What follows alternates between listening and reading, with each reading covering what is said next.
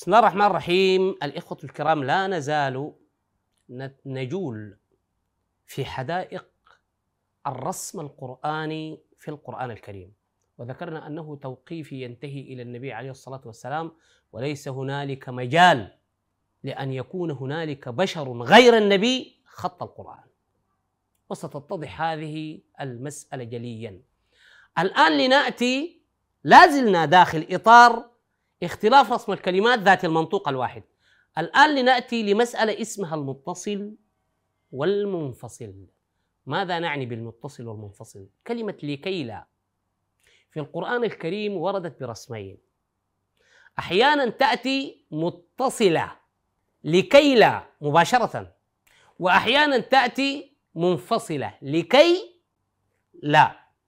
مع أن المنطوق الشخص الذي يقرأ القرآن أو يتلو القرآن أنت لا تلاحظ لا تستطيع من خلال الصوت الذي يصدر من تلاوته أن تفرق هل الكلمة هنا منفصلة أم متصلة. هل يترتب على ذلك دلالات في المعنى أم لا؟ لنرى متى جاءت منفصلة. قوله تعالى فلما قضى زيد منها وطرا زوجناكها لكي لا يكون على المؤمنين حرج. لكي لا يكون على المؤمنين حرج. جاءت منفصلة. أتدرون لماذا؟ لأن الحرج هنا على المؤمنين. رفع الحرج كان عن المؤمنين ليس عن شخص النبي. في انفصال. الحرج منفصل عن النبي عليه الصلاة والسلام. مع أن النبي هو صاحب الفعل. مع أن النبي هو الذي وقع منه الفعل. قصة زواجه من زينب. ولكن كان التشريع لرفع الحرج عن. عن المؤمنين. لذلك جاء الانفصال. لكي لا يكون على المؤمنين حرج. ولكن ننظر إلى الآية الأخرى. وامرأة مؤمنة إن وهبت نفسها للنبي. إن أراد النبي أن يستنكحها خالصة لك من دون المؤمنين. قد علمنا ما فرضنا عليهم في أزواجهم وما ملكت أيمانهم لكي لا يكون عليك حرج. لكي لا. لكنها هنا جاءت متصلة. لم تأتي منفصلة. لكي لا. لماذا؟ لأن الحدث أو الفعل واقع من النبي والحرج مرفوع عن النبي. انظروا إلى الاتصال. يا جماعة في بشر بعمل كده؟ أنا بسأل المشاهد الكريم فكر ويتعقل ارمي جميع تصوراتك السابقة. بس ركز في الآيتين ديل فقط الآيتين ديل. عندما كان الفعل من النبي وبسبب هذا الفعل النبوي كتشريع رفع به الحرج عن المؤمنين جاءت لكي لا منفصلة لكي لا يكون على المؤمنين حرج. عندما كان الفعل من النبي والحرج نفسه رفع من النبي جاءت لكي لا متصلة لكي لا يكون عليك حرج. أيضا كلمة أينما. أحيانا تأتي بالانفصال وأحيانا تأتي بالاتصال. فمثلا ولكل وجهة ولكل وجهة هو موليها. فاستبقوا الخيرات. أين ما تكون يأتي بكم الله جميعا. جاءت هنا منفصلة. أين براها؟ وما براها؟ مع أن الصوت في التلاوة أينما. نحن نقول أينما تكونوا يأتي بكم الله. يأتي بكم الله. لكنها هنا جاءت منفصلة. ولكن في الآية الأخرى أينما تكونوا يدرككم الموت. ولو كنتم في بروج مشيدة. هنا جاءت متصلة.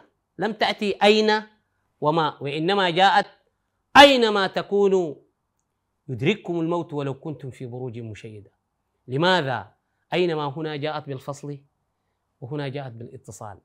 هل ترتب على ذلك دلالة في المعنى أم أن المسألة عشوائية واعتباطية أم أنها بالمصادفة أم أنها وقعت من خطأ الخطاطين؟ أترك الإجابة هنا للمشاهد الكريم. يجب أن يحاكم هذه المسألة بنفسه. إلى هنا نحن نتكلم عن شرح أو إيضاح الفكرة في اختلاف رسم الكلمات ذاتي المنطوق الواحد. ولكن هل يترتب؟ نحن لم نبين المعنى إلا بشكل مختضب جدا. في الحلقات القادمة أو في الحلقة القادمة بإذن الله سنتناول ربما نموذج واحد أو نموذجين فقط لنبين فيها دلالة اختلاف الرسم للكلمة الواحدة. وكما ذكرت لكم أيها الإخوة أن الأمر موسع بشكل كبير جدا. ومن أراد الاستزادة والتفصيل لكل كبيرة وصغيرة في هذا الباب عليه بمراجعة قناة الأخ والصديق زياد السلوادي. هذا الرجل قد تكون كل منتوج كل المنتوج الفكري له تقريبا ركز في مسألة الرسم القرآني. هو رجل صديق وعزيز على الوسائط وقد بدأنا هذا الموضوع ربما من العام 2014 في الرسم القرآني. ومعنا تقريبا شخصين. يعني هذا العلم الرسم الق... اختلاف دلالات الرسم القرآني للكلمة الواحدة هذا العلم حديث خلت منه المكتبة الإسلامية. يعني لو تتبعتم في في في المكتبة الإسلامية أو ما وردنا من علوم القرآن تماما خلا من هذا الباب. إنما هو علم مكتشف حديث. الأخ زياد السلوادي واصل فيه توسع فيه وإنما أنا ركزت فيه لفترة مؤقتة لكي أدخل منه لقاعدة أخرى. سيأتي الحديث عنها وهي نفي التطابق.